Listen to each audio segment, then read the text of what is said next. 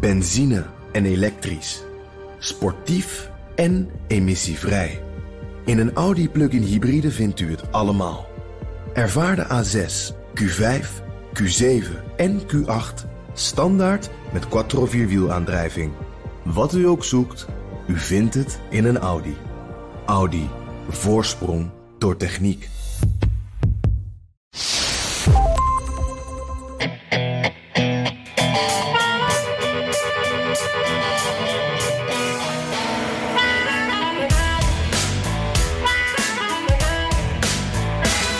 Kunnen verstuurd worden, want het is Biden dan toch gelukt. Zijn coronahulppakket van 1900 miljard dollar is door het Amerikaanse congres. When we took office 45 days ago, I promised the American people that help was on the way. Today, I can say we've taken one more giant step forward in delivering on that promise that help was on the way. Maar makkelijk ging het niet. Geen republikein stemde mee. Daar gaan we het over hebben, net als over de filibuster. En over hoe rechts Amerika een heel andere mening heeft over het interview met Harry en Meghan dan links. Dit is aflevering 67 van de Amerika-podcast. Mijn naam is Bernard Hammelburg vanuit de BNR-studio. Ik ben Jan Posma, ergens in uh, Zuidwest Virginia, de Appalachen. Uh, met zo'n uh, styrofoam bekertje, Bernard, van die waterige hotelkoffie. Ik ben hier voor, voor, een ander verhaal over die Nederlander die hier vastzit... omdat hij als illegale immigrant illegaal ook een wapen had. En de FBI denkt dat hij lid is van de Boogaloo Boys. Dat, daar kan je binnenkort over lezen in de Telegraaf. maar in ieder geval wel fijn in de podcast. En jij komt natuurlijk net uit het buitenlanddebat van BNR De Wereld. Ja. Dat? Ja, dat was best leuk. We hebben uh, het, het zo gedaan. Dat ging dan met buitenlandwoordvoerders, uiteraard, uh, over buitenlandse kwesties. Maar we hebben dan een uur. Maar we hebben besloten om maar twee onderwerpen te doen. Dat is Europa en China. Uh, ja, en dat, gelukkig wel kleine onderwerpen. Nou, ja, nee, nee, maar, maar weet je, als je, je kan er ook vier doen hè, in zo'n formaat. Ja, precies. precies maar het is, ja, de bedoeling van BNR De Wereld is altijd in eerste instantie om mensen de gelegenheid te geven om een beetje uit te praten. Dus ook in een debat vind ik dat je die kans moet geven. Dat je ze niet, niet na elke tien seconden onderbreekt en zegt: uw tijd is op en nou de volgende. Dat wilden we niet. Dus we hebben het zo gedaan. Nee. En het was best aardig hoor. Dus uh, bijvoorbeeld over Europa. Ja, ze, ze, zijn het helemaal niet met elkaar eens. Maar uiteindelijk komen ze toch allemaal tot de conclusie dat we er niet meer buiten kunnen. Dus dat was. Ja. Dus, ja. ja. Kijk. Goed. En, en uh, het is uh, terug te luisteren, toch? Volgens mij ook als podcast. Zeker, zeker, zeker. Het is BNR de Wereld. Zit gewoon in, in de podcast-app. En daar staat het, denk ik, nou, zo dadelijk in. Goed, Mooi. Jan. Help is on the way, zei Biden. Dat hulppakket is door het congres en er is heel wat onderhandeld. Nog even kort, wat staat er allemaal in? Dus wat voor hulp is er nou on the way? Ja, uh, natuurlijk waar, waar iedereen hier het meeste naar kijkt... en wat het meeste opvalt, is die cheque hè, van 1400 dollar. Uh, Biden had natuurlijk eerder uh, tijdens de campagne wel eens gezegd... dat het 2000 dollar zou worden. Hij zegt nu van ja, maar jullie hadden eerder al 600... nu komt er 1400 bij. Dus nou ja, daar is in eigen partij nog wel wat kritiek op. Maar die cheque die komt er in ieder geval. de werkloosheidsuitkeringen die lopen nog even. 300 dollar per week. kinderbijslag, dat is ook iets... nou, dat, dat zien we niet zo vaak. Nee, dat is nieuw volgens mij. Soort, uh, ja, ja, precies. Ik geloof niet dat Amerika ooit kinderbijslag heeft gehad. Nee. Nee, precies. Dus daar, moeten ze nog eventjes een beetje naar kijken hoe dat uh, precies gaat werken. Maar wordt wel met gejuich ontvangen natuurlijk door uh, mensen met, met kinderen. Um, en ook natuurlijk financiële steun voor staten, voor scholen... om weer veilig open te kunnen. voor kleine bedrijven die in moeilijkheden zitten. Er gaat extra geld naar de vaccins, ook naar testen, contact tracen, dat soort dingen. en één dingetje, ik noem het toch even wat er niet in zit... is dat minimumloon, hè, dat de linkervleugel van de democraten graag omhoog willen hebben van uh, 7 dollar naar 15 dollar. Uh, dat is gesneuveld. Uh, ja, en, en, Bernard, uh, Biden zegt daarvan zelf ook... Uh, ja, dit verdient allemaal niet de schoonheidsprijs. Hè? Dat, dat zei hij zo. It obviously wasn't easy. It wasn't always pretty. But it was so desperately needed.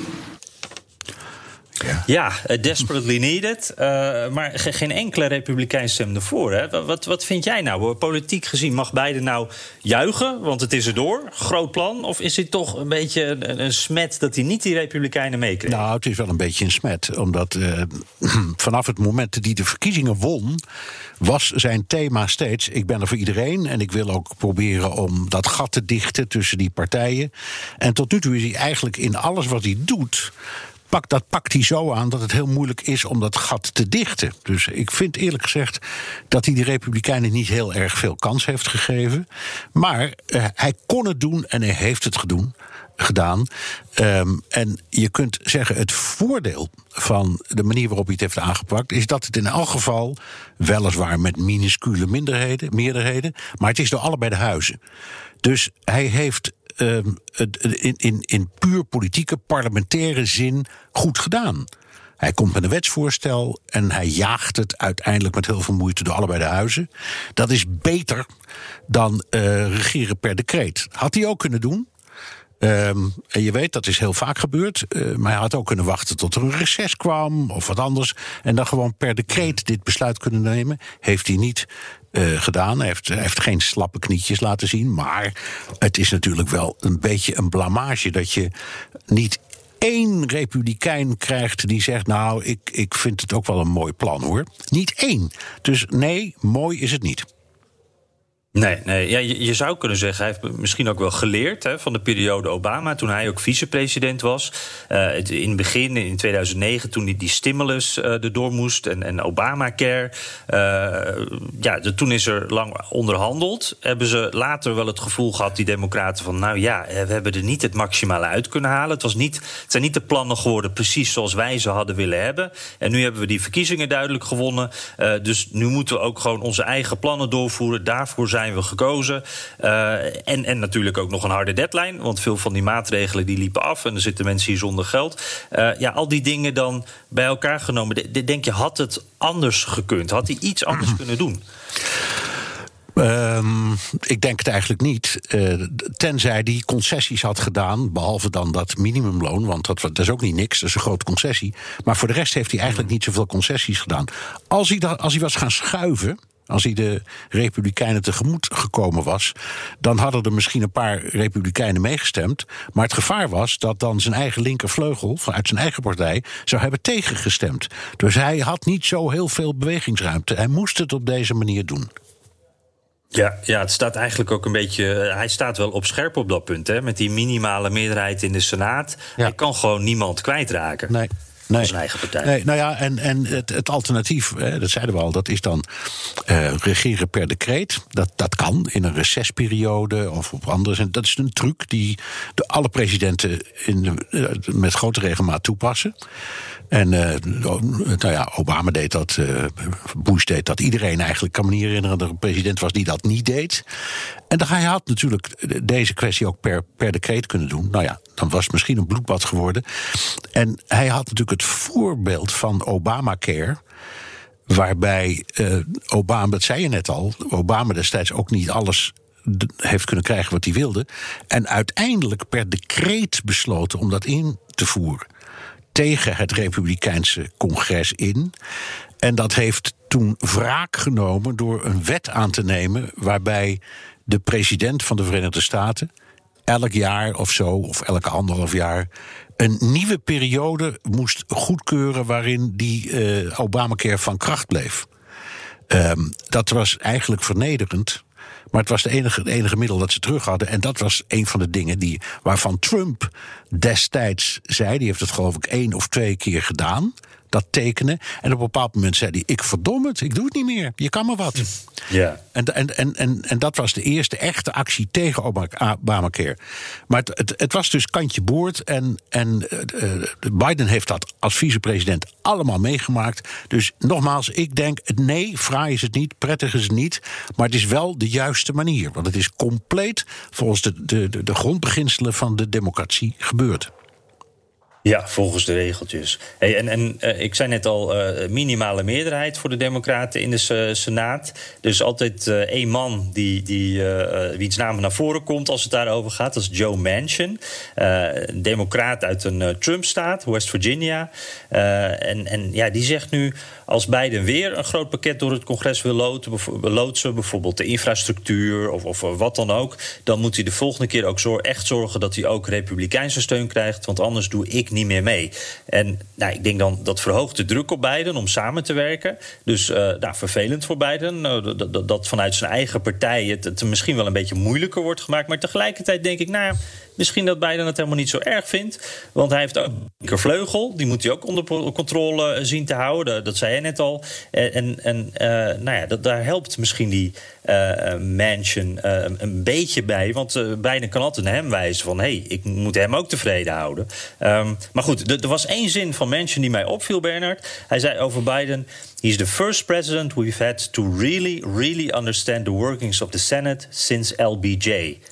Wat vind je van die vergelijking? Ja, dat is een favoriet onderwerp, zoals je weet. Want ik, ik, Lyndon Johnson voor mij, dat vond ik eigenlijk de meest fascinerende president na de Tweede Wereldoorlog. Um, omdat hij ja, als zuideling, en toen was het zuiden nog helemaal democratisch, hè? En, en rechts en racistisch. En hij was zelf een Texaan. En hij heeft, is er toch in geslaagd om, om de belangrijkste wetten, misschien uit de moderne geschiedenis, hè, die gelijkheidswetten, het afschaffen van de apartheid, de, de, de, de, de, de kiesrechten voor de, de, zwarte Amerikanen heeft hij allemaal geregeld. En hij was een onvoorstelbare manipulator. Um, en, en ja, ik zeg altijd, hij was wereldkampioenschap, uh, wereldkampioen wetten er doorheen jassen. Uh, en de manier waarop hij dat deed, dat wordt, daar worden nu nog steeds verhalen over verteld. Daar zijn, er is zelfs een speelfilm over gemaakt. Maar hij schuwde geen enkel middel om iedereen uit dat congres over te halen. Dus hij was bereid om alle 535 leden van het Huis en de Senaat persoonlijk te bezoeken, op te bellen, de huid vol te schelden, op te wachten bij de lift, uh, dreigen, bloemen sturen naar hun vrouwen, uh, drank laten bezorgen. Hij schuwde geen enkel middel. En daardoor kreeg, heeft, heeft, heeft er meer wetten doorgekregen dan welke president dan ook. En dat kwam omdat hij toen, ja, ja we, kenden hem als vicepresident en president, maar daarvoor zat hij in de Senaat. En uh, inderdaad, daar heeft mensen een punt. Daar heeft uh, uh, Johnson begrepen hoe je om moet gaan met tegenstanders. Uh, namelijk, je moet ze of, uh, nou ja, bij wijze van spreken, met gebalde vuist en opgerolde mouwen op, opwachten op middernacht ergens op een, in een donker hoekje. Echt waar. ja, of, je moet ja. hun, of je moet hun vrouw bellen, of je moet dreigen dat uh, als hij niet meedoet, dat dan zijn staat af kan zien van die nieuwe brug of die nieuwe snelweg die er zou komen. Hij schuwde geen middel. Nou, en het verschil, daarom, ik vind het een interessante opmerking, en toch ben ik het niet met Manchin eens met de vergelijking, want Joe Biden lijkt helemaal niks op, uh, op Johnson. Het is niet zo'n harde man. Ik denk ook niet dat hij vloekend, tierend, omkopend. Uh, uh, nou ja, noem het allemaal maar op, langs al, alle leden van het Huis en de Senaat zou gaan. En dat deed LBJ wel onvermoeibaar.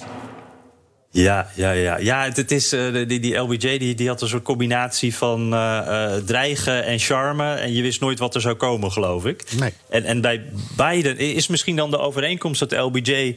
die kende de regeltjes heel goed, wist hoe het werkte maar had een andere methode om dan zijn zin te krijgen uh, dan Biden. Dat Biden misschien wat vriendelijker, wat uh, wel goed die regeltjes ja. weet... maar meer als een soort vriendelijke buurman daar uh, door, doorloopt. Dat is zo. Hij, hij, doet zich meer voor als een, ja, als een, een prettige opa, zal ik maar zeggen. maar hij heeft, hij heeft ook niet... Ik denk dat hij het niet in zich heeft om zelf dat gebouw binnen te lopen of zelf aan de lift in, de, in het kapitool. Moet je je voorstellen op, op een avond, laat in de avond, te, te gaan staan wachten tot er een senator uitkwam die tegen hem zou stemmen. Om, om, ja. om hem vol te schelden of te bedreigen. Ja, ja, ja. Dat, dat zie je Biden niet doen. Dat deed Johnson wel. Maar aan de andere kant, het is ja. inderdaad wel zo. De, de, de, Biden heeft natuurlijk zo lang in die Senaat gezeten. Hij weet precies hoe het werkt. En terugkomend op de kwestie die we net bespraken. Daarom denk ik dat hij uiteindelijk de juiste weg heeft bewandeld. Door het tot een stemming te laten komen. En het dan met de hakken over de sloot te halen. Want hij heeft het gehaald. Ja, ja, precies. Hey, en die Manchin die zei ook dat hij de, de filibuster wil behouden. Juist uh, om, omdat de, de minderheidspartij ook, ook een stem moet blijven houden, volgens Manchin. Manchin kijkt ook goed naar uh, wat de andere partij, wat de Republikeinen willen. Die wil natuurlijk zijn eigen, uh, wat rechtsere stemmers ook tevreden houden in West Virginia. We, krijgen altijd veel vragen over die filibuster. Dat blijft ook wel een ingewikkeld verhaal, moet ik zeggen. Bernard, als, als filibuster-specialist, voor, voor eens en voor altijd, wat is het? Hoe werkt het? Wat doet hij? Nou, in de eerste plaats, waar komt het woord vandaan? En dat komt uit het Nederlands. Het is een verbastering van het Nederlandse woord vrijbuiter. Um, en wat een filibuster is, is het tegenhouden van een stemming in de Senaat kan dat. Door gewoon eindeloos te blijven doorpraten. Net zo lang doorpraten tot ja, de anderen het opgeven, zal ik maar zeggen. Uh, en dat er zijn mooie voorbeelden van. De, de kampioen in de Amerikaanse geschiedenis was Storm Thurmond. Dat was een, um, een senator die tot ongeveer, ik, ja, die is tot de laatste, laatste snik. Die is bijna 100 geworden en die is tot zijn laatste dag ook senator geweest. Eerst hm. democraat, was echt zo'n rechtse zuideling. En later is hij overgestapt in de Reagan-periode naar uh, de Republikeinse Partij. Uh, die heeft in 1957, uh, toen een wet in stemming kwam, die heette de Civil Rights Act, de eerste daarvan. Dat was een garantie voor zwarten om te kunnen stemmen. Dat mochten ze al, maar ze werden aan alle kanten weggepest. En de, deze, deze wet gaf dus extra steun om het mogelijk te maken dat de zwarte mensen ook konden stemmen. Toen heeft hij 24 uur en 18 minuten non-stop het woord gevoerd.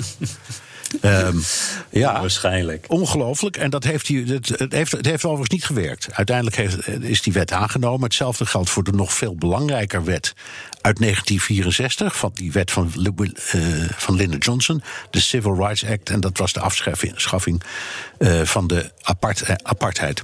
En ook daar heeft Storm Thurmond, die dus een ouderwetse segregatievoorstander was. Uh, die heeft haar dus ook toen weer uren en uren tegenstaan fulmineren. Heeft hij uiteindelijk uh, ook verloren. Maar toen uh, hadden ze de filibuster, het mechanisme, al zo uitgebreid. dat het als een soort estafette kon worden overgenomen door andere leden van de partij. dus dan, dat, het was eigenlijk meer sophisticated. Dus dat heeft dat debat over, die, uh, over de Civil Rights Act van 1964 heeft 60 dagen geduurd. En toen heeft uiteindelijk de, de, de Senaat besloten tot een zogenaamde closure. Dat, is, dat, dat is, komt van het Franse woord uh, uh, sluiting. Um, en dan kun je gewoon bij stemming zeggen: jongens, we houden ermee op. Uh, we geven de strijd op naar de een of de andere kant. En in dit geval heeft, heeft de oppositie dus de strijd opgegeven. Dat kan. Uh, maar dat is het. Het is dus een mechanisme om te zorgen dat de minderheid niet wordt overdonderd door de meerderheid. En, dat, en, en, het en ze mogen ze mogen overal over praten, toch? Ik ja, heb eens gezien dat iemand een kinderboek voorlas, een ja, telefoonboek. Het is allemaal op ja, ja, ja, er zijn telefoonboeken voorgelezen, van alles en nog wat. Het maakt niet uit, zolang je maar blijft praten, want uh, de Senaat kent geen spreektijd. Kijk, het Huis van Afgevaardigden wel. Hè. Daar wordt de spreektijd van tevoren door het presidium per onderwerp afgesproken. En de voorzitter van het huis, dus Nancy Pelosi, als die de hamer hanteert, die let daar precies op. Dat niemand over zijn spreektijd heen gaat. Uh, maar in de Senaat gelden die regels niet. Dus je mag net zo lang doorpraten als je vindt dat noodzakelijk is.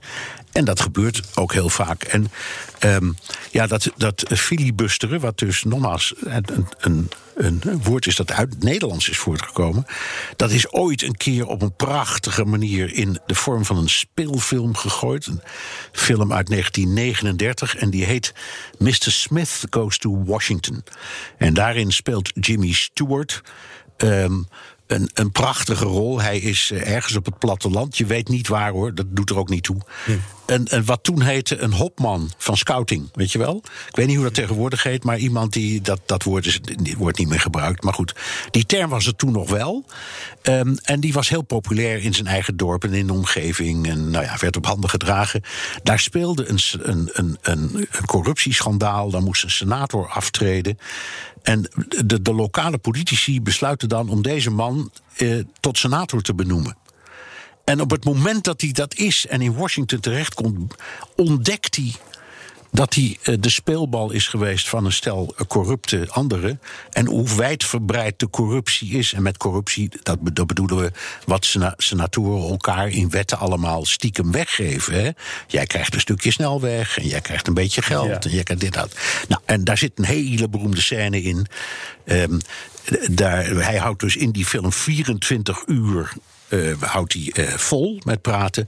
Uh, en het is een prachtige een hele beroemde scène. Nogmaals, film uit 1939. Klinkt niet zo mooi als we tegenwoordig zouden hebben. Maar je hoort in dit, deze scène hoe die op het laatst er letterlijk bij neervalt. And I'm gonna stay right here and fight for this lost cause.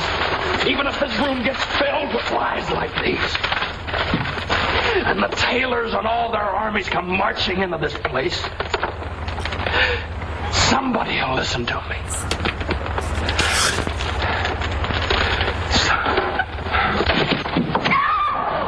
Ja, en dan hoor je hem neervallen. En Fantastisch. Omdat, ja, omdat een speelfilm nou eenmaal goed moet eindigen, is de, de zeggen de, de, de kwade genius in dit verhaal, die schrikt, die staat op, ook een senator.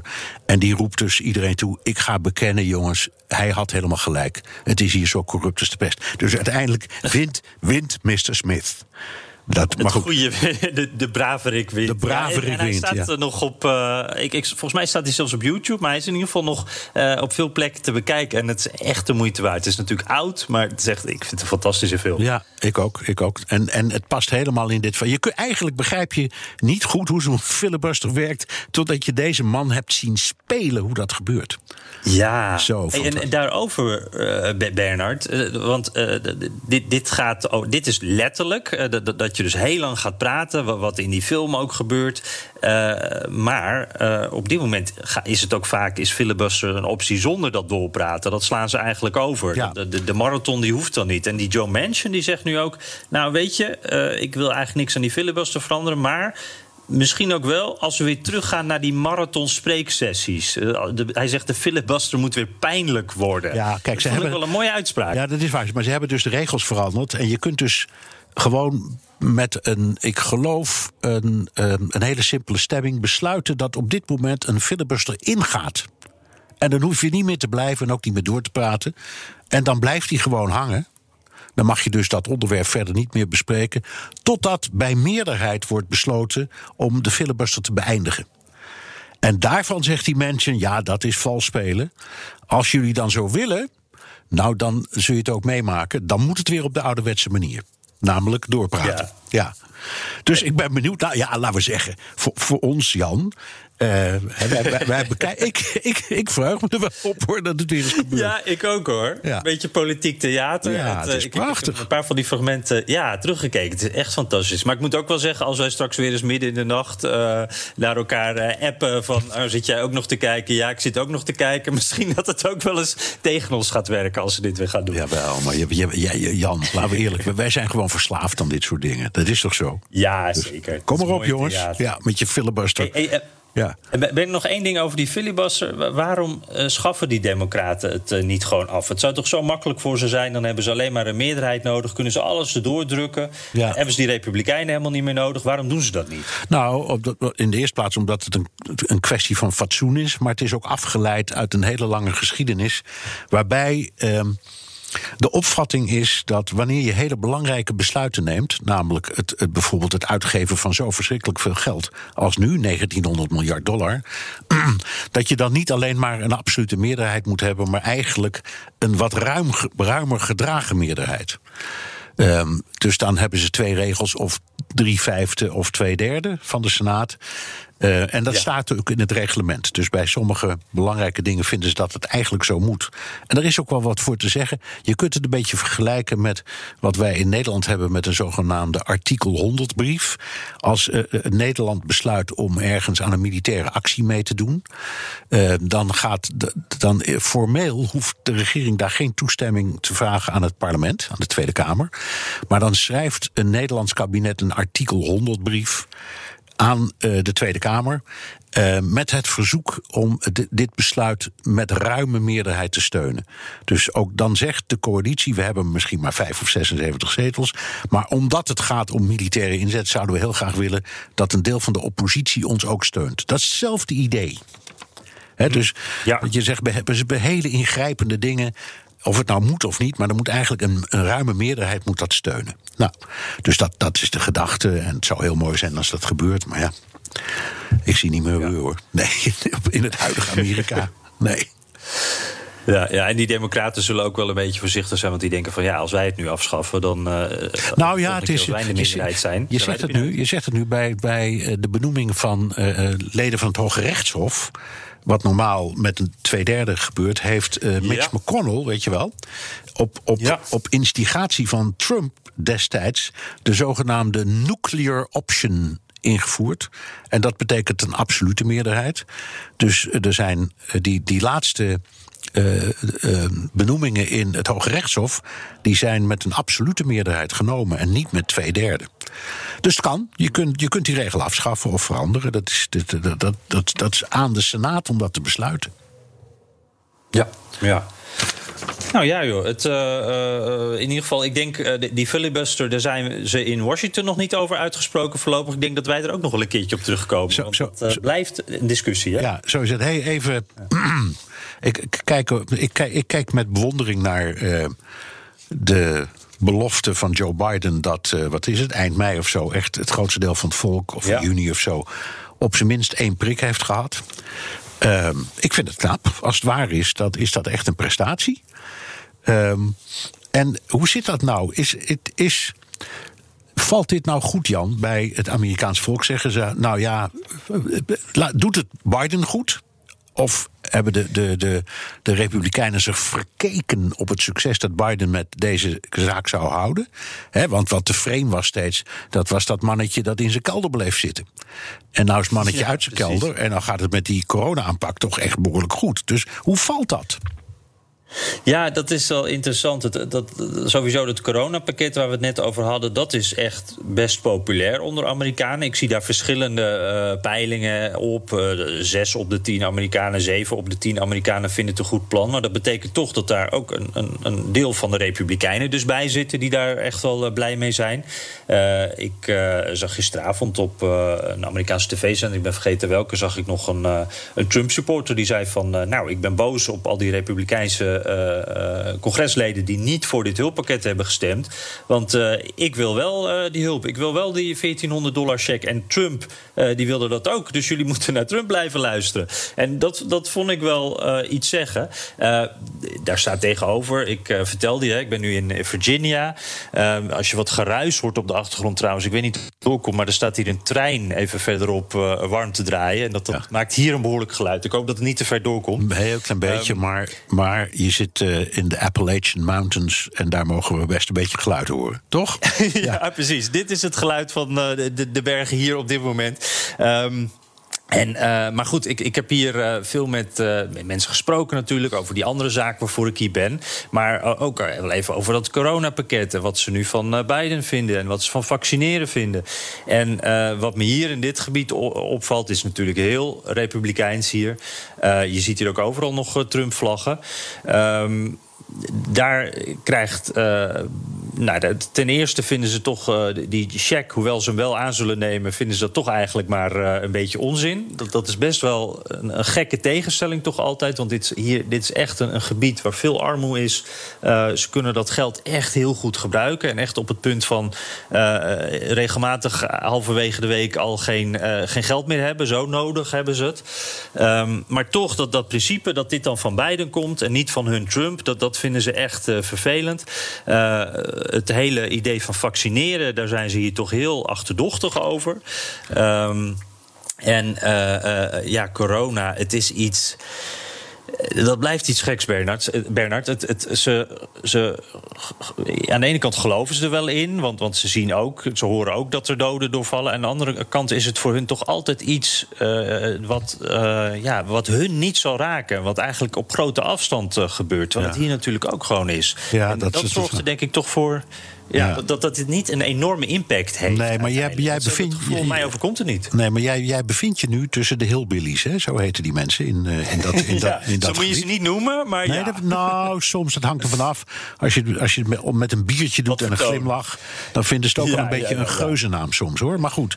Ja, dat is waar. Maar het is, het is een tamelijk geïsoleerd volk. Dus misschien, het, dat weet ik gewoon niet. Maar ik kan me voorstellen dat het daar later heeft toegeslagen... of minder heeft toegeslagen, of gewoon verder van zijn weg Dus dat ze enige sceptisch hebben, dat snap ik ook wel weer, hoor. Ja, ja, precies. En, en ik moet ook wel zeggen, ze zijn hier wat eh, minder met eh, gezondheidszorg bezig. vanwege geld ook natuurlijk. Dat kost, ze zijn, heel veel mensen zijn hier onverzekerd.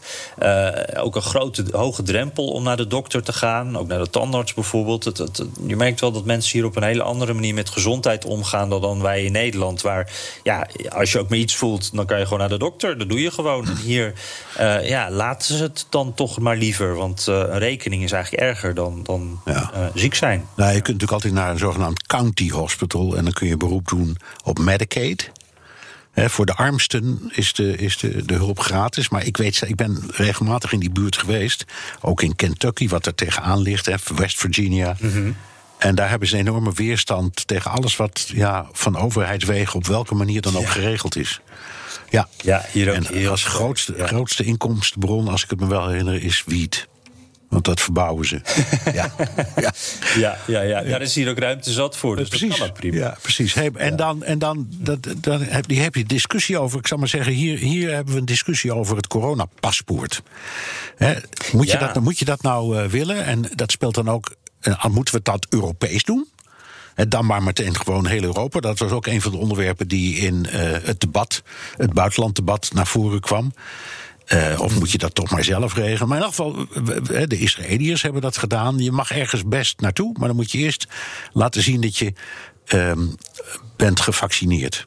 Hoe zit de, de, de- en ik, ik begrijp dat de, de, de, de CDC in Amerika, de Centers for Disease Control, dus het RIVM van Amerika, eigenlijk ook die richting uit wil. Ja, ja, en ik moet, moet zeggen trouwens, eh, mijn eh, telegraafcollega in Israël, eh, Rolf Dekker, die, die, die stuurt nu regelmatig foto's van uit fantastische cafés, restaurants. alles is daar Ja, ik, zag, ik, zag, ik, las, ik las een column van hem en die heette geloof ik Bevrijdingsdag. Dat vond ik ook Klopt, een mooie ja, kop. ja. ja. Precies, Ja. ja. nee. du- Dus daar, daar, daar kijken we hier dan ook met jaloezie naar, hoor. Dus dat, eh, eh, maar het, het, ja, ze, ze zeggen hier dan van... ja, we, we zijn plannen aan het bedenken... eh, hoe we gevaccineerden eigenlijk wat meer vrijheid kunnen geven. En dan is het eerste wat ze dan zeggen... nou, bijvoorbeeld dat je als gevaccineerde nu dan mag afspreken... zonder mondkapje, met bijvoorbeeld andere gevaccineerden... of als, er, als het gaat om lage risicogevallen uit hetzelfde gezin. Dus stel je hebt, een, je, je hebt vrienden, eh, die zitten niet in een risicogroep... Die, die, die zitten allemaal bij elkaar en jij bent gevaccineerd, zij nog niet... dan zou je bij hun langs eh, mogen. En, en nou ja, ze zijn, eh, vanuit daaruit wordt er al wat meer eh, gefilosofeerd. Je krijgt hier echt wel het gevoel... ehm, nou ja, dat ligt aan het eind van de tunnel. Eh, het is nog ver weg, maar het komt wel een heel klein beetje dichterbij. Ja. Dus er wordt wel steeds meer in die richting gedaan. Hoeveel, hoeveel mensen hebben nou eh, hebben zo'n prik nu gekregen? Ja, ik, ik eh, zie daar eh, de, de laatste cijfers over. Dat, dat klinkt dan ook best indrukwekkend. Eh 90 miljoen doses zijn toegebracht. Alleen eh, bij dat eh, cijfertje geldt dan wel weer... bij sommige vaccins heb je natuurlijk twee doses nodig. Ehm, dus we weten dat zijn niet 90 miljoen Amerikanen. Eh, maar eh, we weten wel dat iets van 18% van de populatie nu is gevaccineerd. Vind ik ook eigenlijk best wel aanzienlijk. Ja. En er worden nu 2,2 mil- miljoen eh, eh, prikjes per dag eh, gezet. Eh, dus dat gaat eigenlijk ook. eh, het lijkt wel alsof eh, de, de- machine op stoom is gekomen. Hier. Ja, er gebeurt echt wel wat. Ja, dat is goed om te en, horen. en ik, Ja. ja. Ik merk het ook eh, in mijn eh, eh, directe omgeving. Je, hoort dat er over gesproken wordt. Je ziet ook nou ja, op, op, op social media worden ook veel foto's gedeeld van mensen die hun prikje hebben gehad. Eh, die daar ook uitgelaten over zijn natuurlijk. Heel, heel blij. En nou ja, het licht, dat licht dat is er aan het einde van die tunnel. En, maar je ziet ook bijvoorbeeld, dat, dat vond ik dan wel weer een beetje onnuchterend. in Washington DC, daar kan je nu sinds een paar weken je ook, nou ja, als je op tijd inlogt of, of, een, of belt, dan kan je ook je afspraak maken voor een prik. Alleen vanaf het begin loopt daar meteen alles vast. Dus ze hebben die vaccins dan wel, maar als om negen uur de boel open gaat, loopt de website, die natuurlijk uit het jaar nul is, die loopt vast. de, de, de, de, de telefonisten die zijn overbelast, die kan je niet bereiken. En dat is al een paar weken zo. En sinds uh, gisteren hebben ze dan een ander systeem. Dan kan je een soort voorregistratie doen. Dan kom je op de wachtlijst te staan. Dat heb ik gisteren gedaan. En dat werkte dan gelukkig. En uh, Bernard, uh, dan krijg je dus zo'n berichtje van dankjewel dat je op de lijst staat. En denk je van nou mooi, er is nu in ieder geval iets gebeurd. Misschien ben ik wel snel aan de beurt. En dan staat er onderaan dat berichtje. Ehm, Washington DC heeft niet genoeg vaccins. We need more vaccines. En toen dacht ik, oh, dat klinkt toch niet zo heel hoopgevend. Dus ik ben heel benieuwd hoe dit blijft gaan. Nee.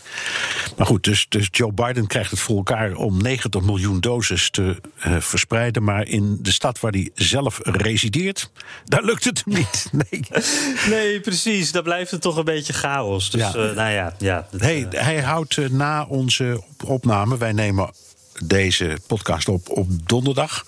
Dagje te laat, normaal doen we het een dagje eerder. Maar goed, dan houdt uh, Biden ja, een soort State of the Union speech, krijg ik de indruk. Uh, ja, ja. ja. Wat, wat, ja, het is een beetje een, ja, de State of Corona speech is het, denk ik. Ja, uh, wat, het, wat het worden. Ja, het, uh, ik, ik had, net uh, zag ik toevallig de lekte wat dingetjes uit. het zal een speech, hij wordt ook wat korter dan de State of the Union, hoor, gelukkig. 20 minuten vanuit de East Room in het Witte Huis.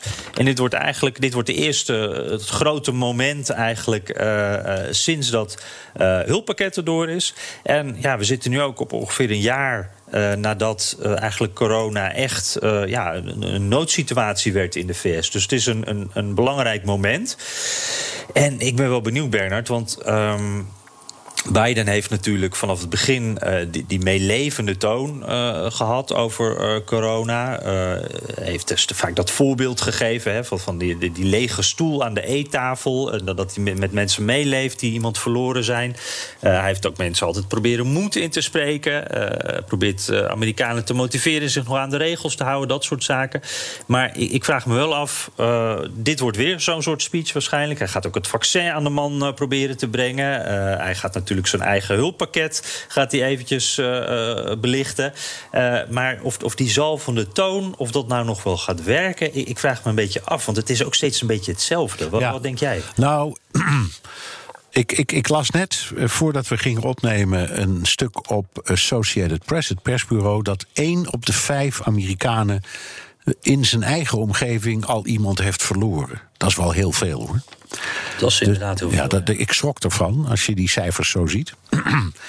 dus um, ja, dat, die boodschap van die lege stoel, die, die is wel voor heel veel mensen waar. Dus ik denk dat heel veel mensen zich er ook in herkennen.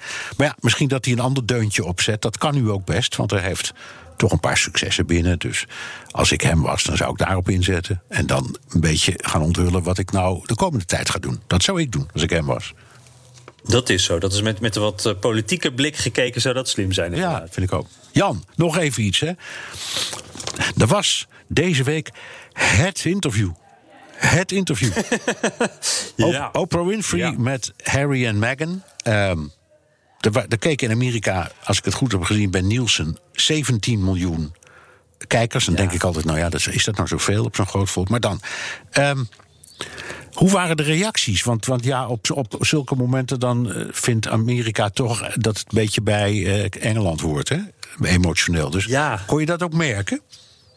Ja, precies dat, Bernard. En dat, uh, dat, dat vond ik toch wel mooi om ook even te delen. Want het. het, het um uh, sowieso, dit was echt het gesprek van de dag. Op straat, overal. Uh, je merkt dan toch weer dat die Amerikanen echt gefascineerd zijn met, met koningshuizen. Dat hebben ze natuurlijk zelf niet. Daar hebben ze expres uh, afstand van genomen. Maar vinden ze toch wel een beetje jammer zo lang na die tijd. en wat mij opviel, meteen al was dat Fox News en, en eigenlijk vrijwel alle rechtse opiniemakers allemaal inderdaad voor dat Koningshuis kozen. En met een grotere overtuiging dan, dan ik had uh, verwacht, zo had ik dat niet aanzien komen. Uh, CNN en, en meer de linkse kant, die, die kozen echt voor Meghan en Harry. En ja, ik vond het toch wel opvallend hoor. Want de, de mensen die eigenlijk het, het hardst de, de, de vlag knuffelen, zullen we maar even zeggen, de patriotistische mensen die daar altijd mee te koop lopen, die kiezen nu eigenlijk de kant van, nou ja, als je, het, als je een beetje in de geschiedenis duikt, oude vijand. Uh, iemand tweette mij al: Whatever happened to the Tea Party? Ja. Uh, maar ja, dat is misschien dat, dat beetje het conservatieve denken, Bernard. Waardoor toch dan het soort van het oude, voor sommige mensen ook het oude moederland misschien nog uh, toch naar boven komt op zo'n moment. Ja, het zou kunnen. Ik, ik, denk dat er, maar dat denk ik bij de Britten ook. En ook als je de inhoud van het interview echt beluistert. Um, dat ook gewoon uh, racisme een rol speelt hoor in deze kwestie. Ja, zeker. En weet je wat daar ook... Daar een zwarte prinses, nou zeg. Hè? Zoiets. Ja, en daar speelt ook wel echt iets uh, heel duidelijks... waardoor dit verhaal meteen binnen die, die uh, heersende culture wars uh, past. wat je altijd op Fox News en dat soort zenders ziet. Um, dat, dat, racisme en, en, dat racisme dan eigenlijk vaak een beetje gezien wordt als onzin en gezeur. In combinatie met cancel culture, dat eigenlijk. En, en dat speelt denk ik ook wel mee. En wat ik dan merk is echt dat dat, uh, wat ik op Fox News zie... en wat mensen hier in... Nou ja, ik zit nu dan dus even in Virginia en Tennessee... waar die uh, Fox-kijkers ook zitten.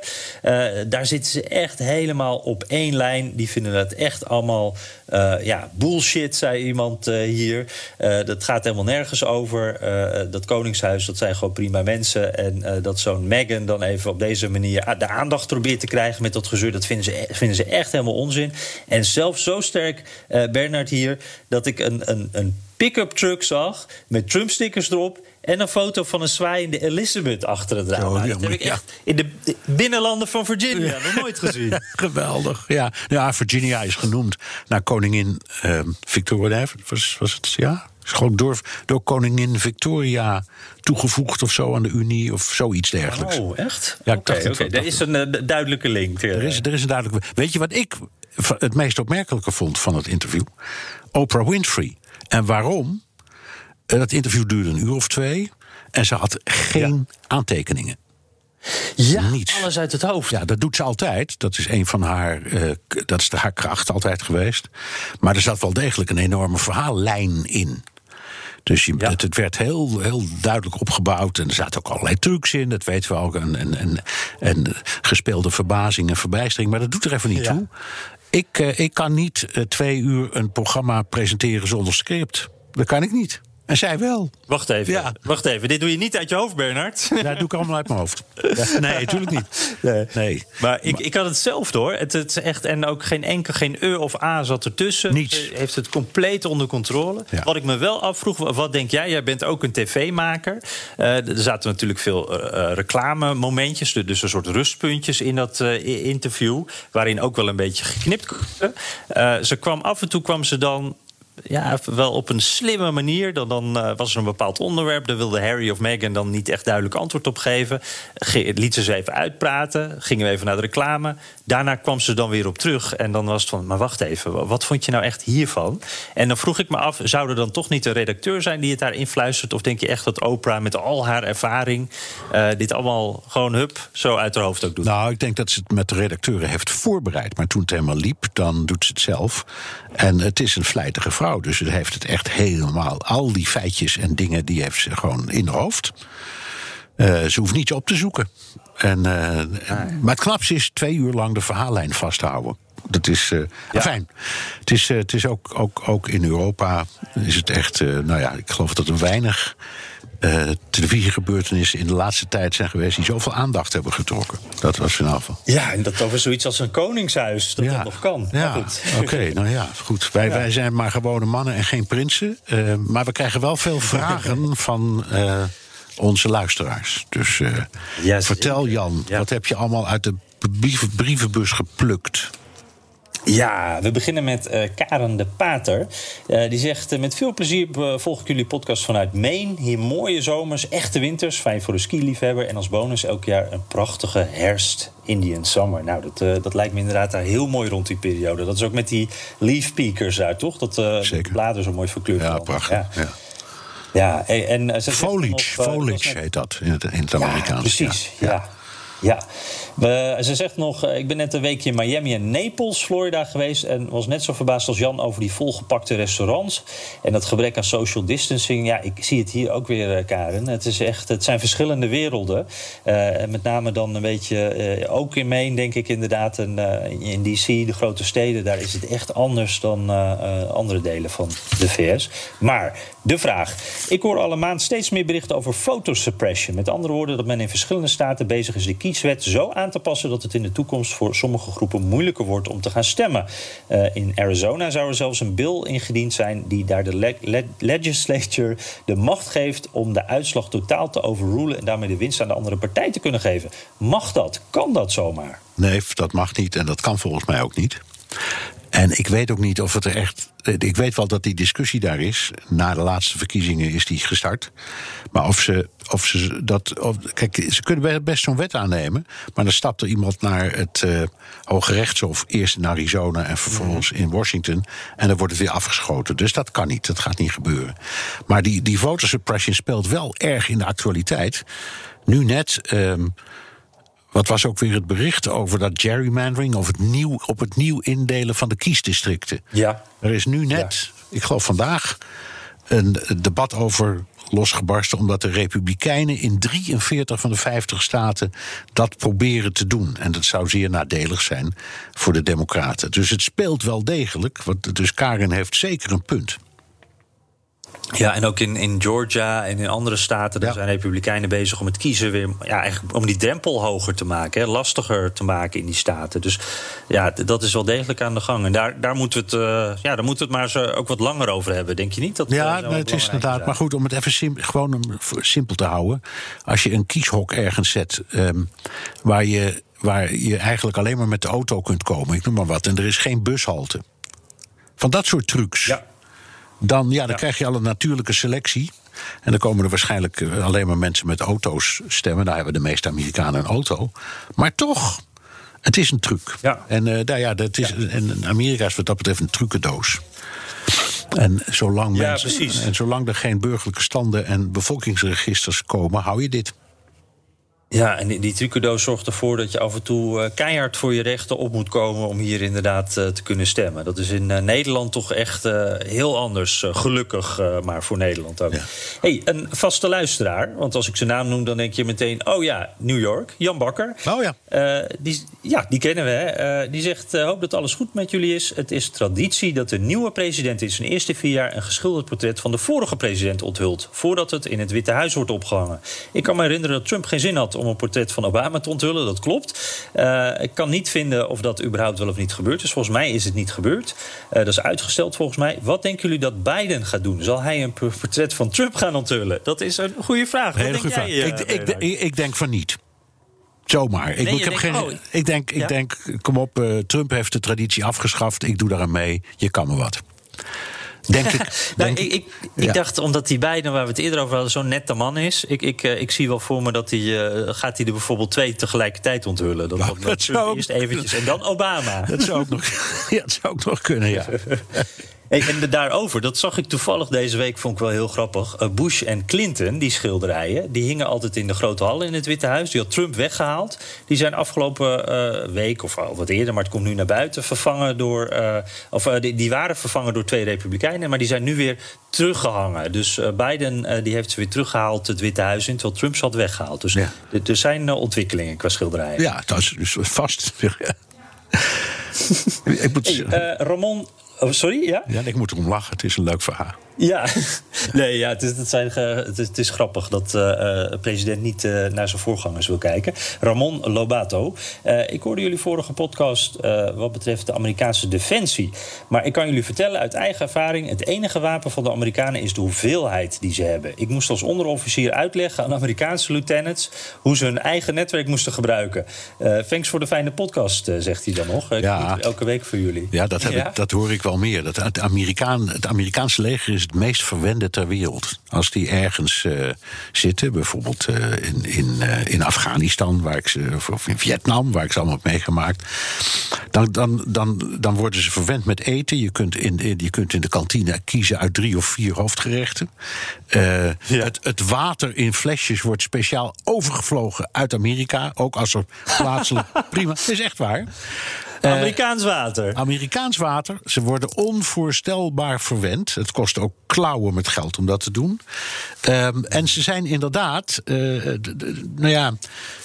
De, de, de reden dat ze zo sterk zijn is omdat ze zoveel hebben. Dus daar, daar heeft Ramon wel een punt hoor. Ze hebben gewoon heel veel. Ze hebben elk denkbaar wapen. Um, maar de vraag hoe goed ze ermee omgaan. Ik, ik denk dat bijvoorbeeld Britten en Fransen dat die daar veel behendiger in zijn dan Amerikanen. Het is een, het is een verwend leger, het Amerikaanse leger. Ja, ja. Ja, ja, ja, je moet natuurlijk uh, efficiënt en uh, creatief zijn als je juist wat minder geld hebt. Dus misschien dat wij het in Nederland op dat punt ook wel wat beter doen dan. Ik denk het wel. Nou ja, dat weet ik niet. Ik, ik, ik kan het niet over oordelen. Nee.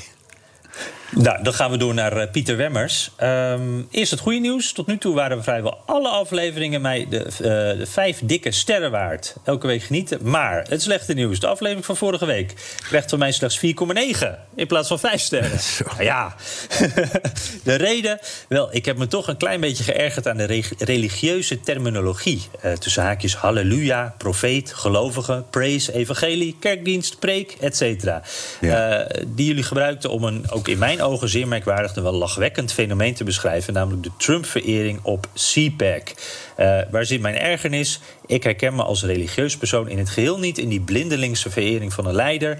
En de hele cultus om die man heen. Dat fenomeen zou ik eerder sectarisch willen noemen. Dat is volgens mij een woord dat je ook wel eens hebt gebruikt, Bernard. Zeker. Uh, oh, dat zegt hij ook trouwens. Dat zegt hij ook. Ja, ja. dat heeft hij ook gehoord. Ja. Uh, dus uh, ja, de, de, op zich een, een interessant punt. En daarvoor dus 0,1 punt aftrekken. Ja, nou ja, dat, ik begrijp het. En je herinnert je misschien dat we vorige week ook met elkaar even hebben gezegd: zullen we dat wel doen? En zo'n kop, dat is een beetje uitdagend. Halleluja, ja, titel die we daar. Halleluja, ja. praise the Trump.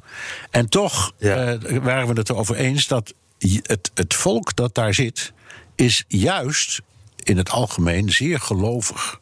Zijn zeer gelovige christenen uh, die op deze manier tot een soort verering over gegaan, zijn gegaan. En ja, je kunt dat sectarisch noemen. Maar als je wel eens in zo'n. Um, nou ja, van die fundamentalistische Amerikaanse christelijke kerken komt, en dat heb ik heel veel gedaan, ja, dan is dat ook. Dat, dat heeft iets wat heel weinig te maken heeft met onze Europese opvatting over wat uh, het, de christelijke, het christelijke geloof is. Het is zo dweperig, dat vind ik niet meer sectarisch. Dat heeft voor mij iets. Dat, ja, nou ja, Goed, het is bijna messiaans, zoals ze over Trump denken. Dus ik vind ja. dat, dat dat beeld wel kloppen, maar. Um, het is heel vervelend als iemand eigenlijk op een hele beleefde manier tegen ons zegt: jullie hebben toch een beetje blasfemie gepleegd. Dus ik trek het me wel aan. Ja, dat was eh, zeker niet onze bedoeling. Ik denk ook dat de, de titel die we er boven hadden gezet, daarbij dachten we ook een beetje aan die tv-dominees. Het is hier soms gewoon erg over de top. En ik moet zeggen, dat was CPAC ook wel. Dus die gelijkenis, maar we wilden je zeker niet beledigen. Uh, nou ja, Pieter zegt ook uh, toch dus die 0,1 aftrek. Kleine ergernis. Ik hoop dat jullie daar niet slecht van slapen. En anders zegt hij, Jan, heb jij in elk geval nog de stem van Bernard. er zijn natuurlijk heel veel luisteraars die zo fijn tot rust komen als ze naar jou luisteren. Ja, ja. ja. Um, Ze vallen in slaap. Hey. Ja. uh, voor iedereen die nog wakker is, uh, ja, ik, ik ben bang dat we er een eind aan moeten breien, Bernard. Uh, want ik moet namelijk mijn hotelkamer uit. Um, dus je moet, de, anders word je door de hillbillies bij je kraag gegrepen en krijg je het. ja. nou, wil wel meer hebben. Oké, okay, dat was hem dan. Heb je recensies, Jan? Ja, uh, laat ik hem snel doen. En uh, daarbij zeg ik dan ook nog trouwens... Uh, als je vraag deze week niet aan de beurt is gekomen... dan probeer hem volgende week mee te nemen. JVNDH, dat is Jeroen van Nierop. Geef vijf sterren. Praise you, guys. Nou, dat, dat klinkt een beetje als die vorige aflevering. Hij zegt, prachtige aflevering over CPAC inderdaad. vraag, waarom speelt Joe niet veel meer de kaart? Ik hou me bezig met het opruimen van de puinhoop... en voorkom erger als mede de weg terug naar een pandemic-vrij Amerika. Donald is toch echt alleen maar op zoek naar bevestiging. Een en al onzekerheid gecombineerd met ongekend narcisme is toch de elixir van de afgelopen vier jaar. Fear and, fear and fury. Huldemannen. Ja, ik denk, dit doet Biden al heel erg. Hè? Hij negeert Trump. Ja. Uh, zoals ook bijvoorbeeld toen Trump die CPAC speech hield. Bijna zegt er gewoon niks over. Hij wil eigenlijk alleen maar over corona praten. Ja, en, en tot nu toe, ere wie ere toekomt, het lijkt dat hij daarmee succes heeft. Oké. Ja, zeker. Terugluisteren kan via de BNR-site, Apple Podcast of Spotify. Heb je vragen, opmerkingen, kritiek of complimenten, dan kan dat ook met een tweet naar Jan Postma USA of BNR De Wereld. Of heel ouderwets met een mailtje naar dewereld.bnr.nl. Ja, en dan pak ik uh, nu snel mijn uh, koffer in en uh, zie jullie of hoor jullie volgende week weer. dank voor alle vragen. Stuur ook alsjeblieft meer vragen. En Bernard, tot volgende week. Tot volgende week weer achter de eettafel. Toch met koffie. Zeker, zeker. Oké, okay. goede reis.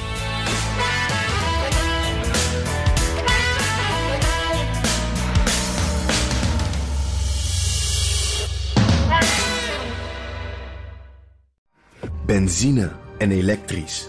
Sportief en emissievrij. In een Audi plug-in hybride vindt u het allemaal. Ervaar de A6, Q5, Q7 en Q8 standaard met quattro vierwielaandrijving. Wat u ook zoekt, u vindt het in een Audi. Audi. Voorsprong door techniek.